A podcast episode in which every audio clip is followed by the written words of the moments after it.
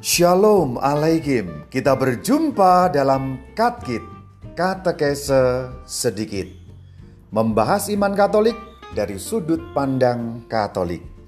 Seri liturgi dengan judul Puasa apa saja? Saudara-saudari, masih terkait puasa ala Katolik. Apa sajakah yang termasuk dalam puasa sebelum misa? Ya, semua makanan dan minuman termasuk rokok. Kebiasaan merokok dan makan minum sebelum misa itu tidak baik. Saran saya, hentikan itu jika ada, berlakulah lebih takzim kepada tubuh Kristus. Mengapa? Ada dua alasan. Pertama, kita menyembahnya. Kedua, kita mau tubuh Kristus lebih besar lagi manfaatnya, daya gunanya untuk kita. Siapa yang menyiapkan diri dengan baik dengan puasa sebelum misa, niscaya akan menerima lebih banyak manfaat dari Ekaristi. Siapa yang serampangan, pastinya tak banyak mendapat manfaat.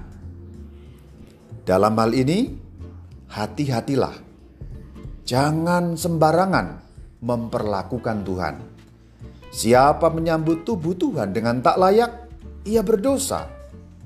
Rasul Paulus memberikan peringatan dalam surat pertama Korintus bab 11 ayat 27 yang berbunyi, Siapa saja yang dengan cara yang tidak layak makan roti atau minum cawan Tuhan, ia berdosa terhadap tubuh dan darah Tuhan. Maka taatilah ajaran gereja Katolik dengan berpuasa sebelum misa.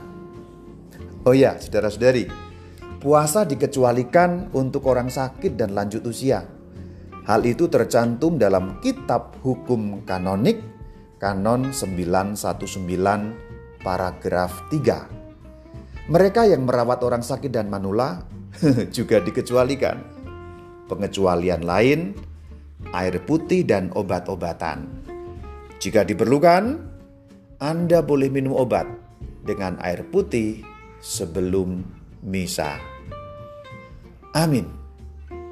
Saya Referendus Dominus Istimur Bayu.